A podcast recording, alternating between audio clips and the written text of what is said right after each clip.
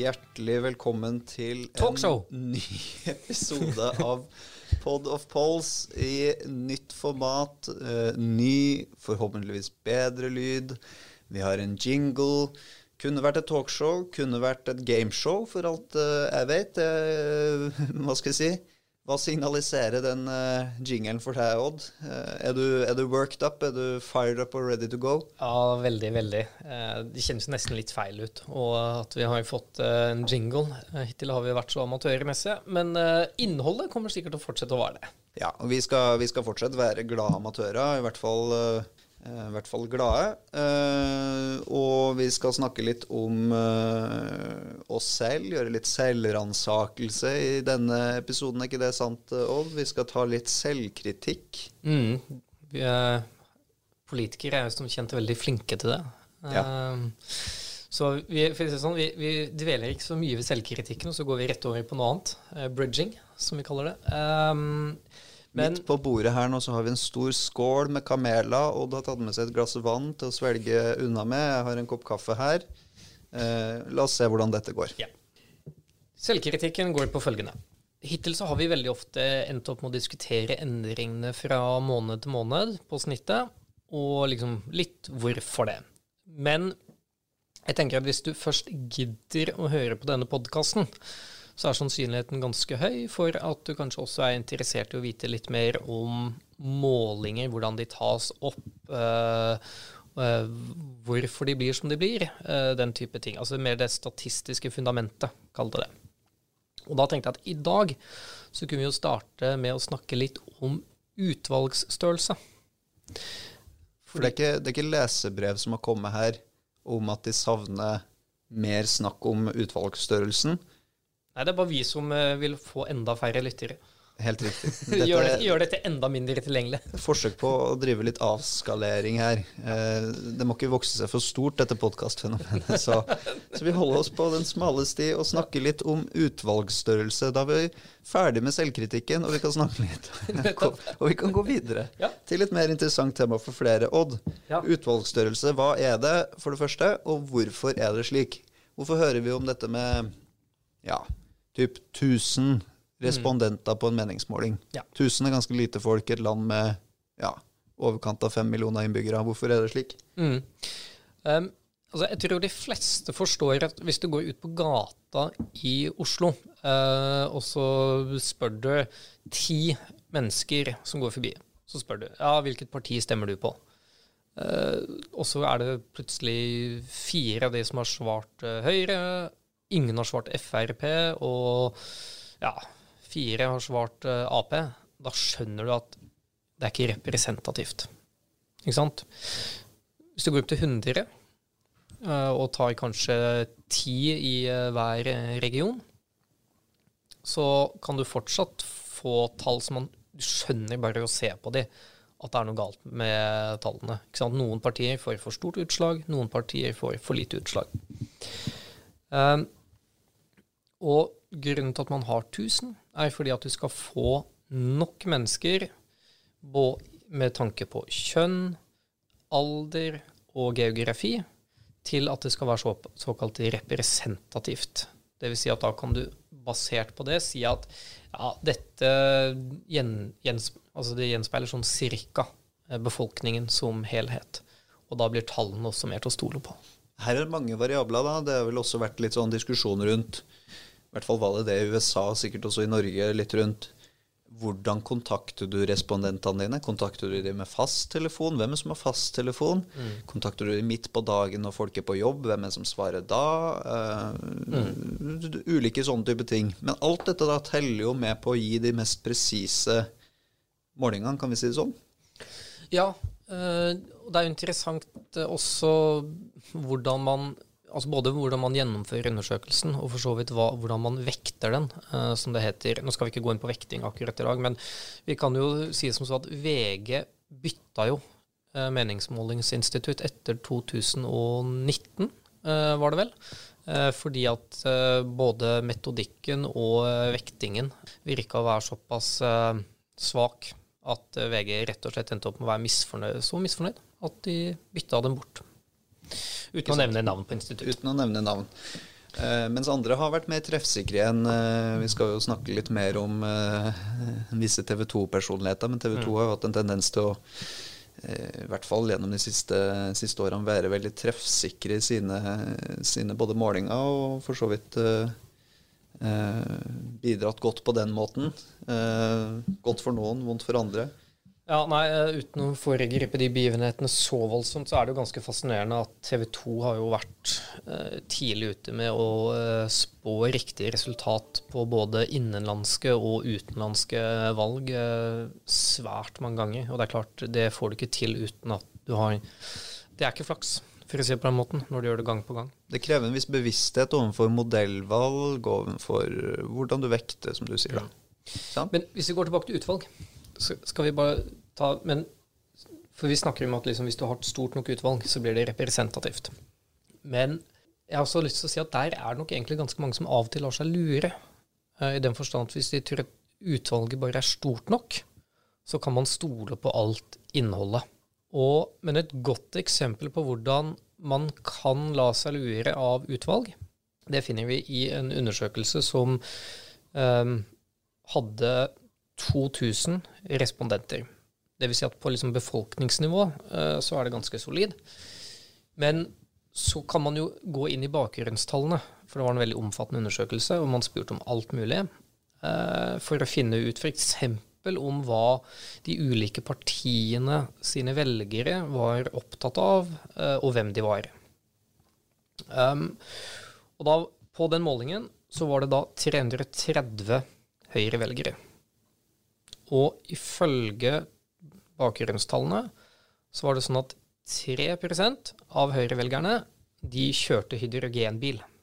Og hvis du da sier at Høyre fikk sånn 590 000 stemmer i 2019 eller noe sånt, så betyr det at det fins 16 000 Høyre-velgere som kjører hydrogenbil. Og da er spørsmålet, Stian, hvor mange hydrogenbiler fins det i Norge? Jeg skal ikke si at jeg har sjekka tallene, Odd, men jeg mener vel at vi, vi snakker nok mer et par hundre enn eh, at vi begynner å nærme oss 1000. Ja. Så det som egentlig skjedde, var at du fant én Høyre-velger da, som kjørte hydrogenbil. Og så kan det se ut som om det er 16 000. Og hvis du da er en, en dårlig strateg og ikke skjønner tall, så tenker du at vi må ha en hydrogenpolitikk. Og det har man jo for så vidt også fått denne, denne uka her. Men, eh, men, eh, la meg ta på den hatten som passer mitt, eh, mitt bar, kortbarberte hode aller best. Folk i gata-hatten. Du forstår kritikken som ofte kommer mot meningsmålinga når man spør seg 1000. Jeg ble ikke spurt. Jeg kan ikke se for meg at dette er representativt. De har funnet 1000 mennesker som passer med det sånn cirka de ønske å vise fram mer. Noe konspiratorisk tilnærming der. Jeg tror ikke mm. mannen i gata er, er, er, så konspiratorisk anlagt. Men, eh, men, hvorfor da ikke 2000? Hvorfor ikke 10 000? Hvor skal det stoppe? Fordi det er dyrt. Det er nettopp det. Det er dyrt. Eh, men hva er det disse 1000 kan fortelle oss, som egentlig gjør det irrelevant hvor mange flere du legger til? Ville en 10 000 personers undersøkelse være bedre? Ja, fordi, det, fordi feilmarginen kommer til å bli mindre. Og Så kan vi komme tilbake til hva den er, eh, en annen sending, syns jeg. Eh, men altså, enkelt sagt, jo flere eh, du har i utvalget ditt, jo lavere feilmargin. Gitt at du har liksom spredd befolkningen godt utover landet og alt dette med kjønn og alder og sånne ting. Og den laveste feilmarginen har vi jo ved valg, stort sett. Da får alle stemme. Den er nøyaktig. Den er nøyaktig. Ja. Ikke sant? Det er litt om utvalgsstørrelse. Ja. Mm, hva kan folk bruke dette til? Det man kan bruke det til, er jo sånn vi ofte gjør, da. Eh, vi er jo glad i gjennomsnittet av målingene nettopp fordi at da får du det beste bildet av eh, tallene. Fordi slår du sammen ti målinger til, som til sammen har 10 000 respondenter, så har du også en mye lavere feilmargin. Og det ville li ligger nærmest mulig det faktiske eh, resultatet i befolkningen på det gjeldende tidspunktet. Ikke sant. Nyttig for både politikere og for folk eh, flest. Ja. Veldig, veldig bra. Um, apropos politikere og folk flest og overgangen der imellom. Vi nevnte så vidt TV 2. Vi har uh, et uh, Ja, jeg vil ikke si et politisk jordskjelv, men en nyhet som kanskje overraska opptil flere. Mhm. TV 2s og kanskje en av Norges fremste tallknusere har uh, gått hen og blitt politiker. Ja. Politisk journalist eh, Kjetil Løseth eh, har da blitt kommunikasjonssjef i Frp. Um, og for denne podkasten sin del så tenker jeg at det gøyeste er ikke at han har eh, journalistbakgrunn. Eh, det gøyeste er jo tallknuseregenskapene. Og hvordan kan han bruke de i jobben som kommunikasjonssjef? Hvis du skal beskrive, da, for vi kan jo Jeg tror jo lyttebasen til akkurat denne podkasten kanskje kjenner kjenne til eh, løshet. Vi, vi, vi har sett det som en slags forutsetning, men, men, for de mot formodning som ikke kjenner til denne mannen, hva er det som gjør han så spesiell? Hvorfor, hvorfor drar vi han opp i denne podkasten? Fordi det er ingen norsk journalist som kan tall og målinger så godt som uh, Løseth. Uh, altså han har en sånn dypt og ektefølt interesse for det, uh, og han kan faget sitt ekstremt godt. Um, og det er det som gjør også at ansettelsen er interessant. Uh, fordi skal du jobbe med kommunikasjon på et strategisk nivå, uh, og du forstår hvordan du skal bruke målingene, så kan dette også gi seg helt konkrete utslag i hvordan Frp kommer til å kommunisere fremover. Uh, fordi hvis Løseth Han kan jo si, lese ut av tall, hvor er det velgerne våre eventuelt forsvinner? Hvor er det vi har størst potensial til å hente velgere fra? Men også hvilke saksområder er det da vi burde kommunisere mest på? Og til og med kanskje også vite noe om forskjell på landsdeler, hvilke medier det er best å gjøre det i, etc.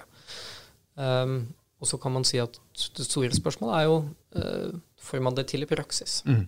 For overgangen mellom kommentator, upartisk og hva skal jeg si, litt uh, høytsvevende over, uh, over vannet, kan jo være en hva skal jeg si, du, du, får ofte bruk for etterpåklokskap og, og, muligheten til å analysere på avstand. Det blir mm. noe ganske annet når han skal nå inn i, inn i bataljen selv, være en aktør snarere enn en observatør. Mm. Eh, så, men, men, for all del, for alle som er opptatt av målinga og politikk og alt det som ligger rundt, både spill og, og, og alt som følger med, så, så er dette en spennende nyhet, og, og, vi gleder oss jo til å se hvordan dette blir. da. Det kommer jo litt sånn lyn fra klar himmel.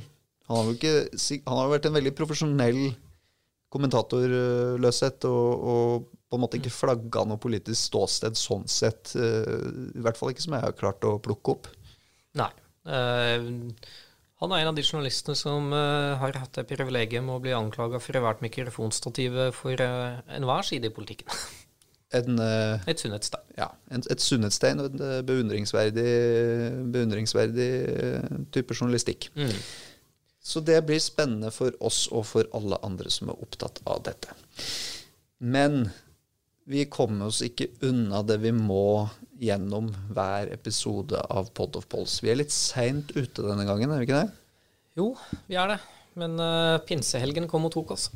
Det sitter en uh, solbrun og fornøyd mann uh, i hvit skjorte overfor meg. Kjenner nesten ikke igjen det bleke ansiktet jeg kjente sist. Det har vært en god pinse, og vi har tatt oss litt ekstra tid til å komme på igjen. Men nå har vi altså et snitt for måneden mai. Mm. Hvordan ser det ut, Odd? Nei, I april så spurte vi om vi hadde nådd peak høyre. Svaret på det, til min store glede, er det at det har vi ikke. Høyre går litt frem, uh, 0,7 prosentpoeng. Den, den, store vinneren er Ap, som går fram 1 prosentpoeng, til din glede, vil jeg anta. Absolutt. og så er det Frp som går mest tilbake, med 1,6 prosentpoeng. Ganske mye, egentlig, fra en måned til en annen. Dette står jo litt i kontrast til de som har fulgt med de siste par dagene på, på de målingene som har kommet i slutten av måneden, kanskje. Ja, det er I begynnelsen av juni, mener du? Ja, begynnelsen av juni. Mm. Altså, der kan du se. ja. Vi hopper litt. Nå er vi i begynnelsen av juni. Det ser ut som snittet, i hvert fall sånn som, sånn som det ligger an, og kan endre seg noe. Um, vi skal ikke foregripe de målingene som er kommet hittil, men, uh, men Plutselig kommer det en serie mye, mye dårligere målinger som drar dem ned til et snitt som ligger nærmere enn det de har nå. Ikke sant? Ikke sant. Men igjen, det minner oss jo på viktigheten av å følge med på snitt måned for måned. Um, nå er det litt over ett år igjen til valg. Mm. Hva skal vi tro? Nei, altså Det som slår meg, er det at uh, vi, vel, vi, vi, mente vel at eh, MDG og Rødt uh, kom til å få seg en ganske klar nesestyver uh, pga. situasjonen med korona og alt mulig. Men uh, altså, Rødt så vil jeg si at the jury is still out. Uh, men MDG begynner egentlig å tro at vi rett og slett bomma på. At, for de holder seg helt fint over sperregrensa. De går frem. Et halvt prosentpoeng. Som er, altså, som er, mye når du i utgangspunktet har liksom sånn, ligger og vaker på rundt femtallet, så er jo 0,5 prosentpoeng Spør Venstre om det, da. Ja, for det er klart. KrF og Venstre de ligger jo helt stabilt under sperregrensen, begge to. Um, og da ligger det an til at uh, fortsatt at det blir til regjeringsskifte. Men det som er verdt å merke seg, tenker jeg, er det at altså, det begynner å bli mer balanse mellom blokkene nå. Eh, sånn i prosentpoeng. Og så i mandater så ligger den fortsatt i rød-grønne definitivt eh, best an. Men, så det er liksom, jeg vil si at det er altfor tidlig å uh, kåre noen valgvinner foreløpig. Men eh, det er ikke tvil om at de rød-grønne ligger godt an. Så selv om snittet denne foregående måneden er kjedelig, mm. ikke store endringer, ingen store hendelser som har slått ut nødvendigvis på det snittet, så Eh, så er det mer spennende enn noen gang. På et vis. Det er jevnere enn det har vært på en god stund i norsk politikk. Ja, det er det jo. Uh, og det er, altså, men inntil det begynner å løsne noe for Venstre og KrF, så er det fortsatt uh, dessverre svake utsikter til uh, gjenvalg. Vi har én lederkandidat i Venstre som er klar. Er bare én? De andre kommer, gjør de ikke det? Ja. Jo, det, det, gjør de. Men det er klart, eh, de ga, de ga jo Sveinung Rotevatn et uh, stort forsprang når de sa at de ville vente til koronakrisen var ferdig håndtert, mm. før de skulle kommentere. Så det, det, er jo interessant at eh, koronakrisen er offisielt eh, avlyst når uh, Abid Raja er klar til å uttale seg om han er lederkandidat eller ikke. Og Den avlysninga må vi nok vente litt på. Eh, den er ikke klar helt enda sånn som det ligger an nå, men, men, det er foreløpig kun Sveinung Rotevatn som har sagt seg villig til å påta seg det, ja, hva skal man si, ikke ubetinga lystbetonte oppdraget å, å lede partiet Venstre inn i en ny tid. Eh, det blir spennende å se, og vi kan jo snakke mer om dette i en eh, senere podkast, om hvordan eh, nettopp slike lederdebatter både kan være fryktelig skadelige for et parti, men også en ny ledelse kan jo også gi ny giv. Kan gi et oppsving på målingene. Kanskje kan dette times godt for Venstres del inn mot en litt lengre valgkamp fram mot 2021. Mm. Det kan det. Men vi er tilbake og om nesten en måned. Nesten en måned. Med mindre det skjer noe ekstraordinært i mellomtida. Ja. Det, med mindre det skjer noe ekstraordinært. Vi burde jo nesten egentlig hatt en egen episode på eh, det som skjer i USA, og hvordan målingene beveger seg der.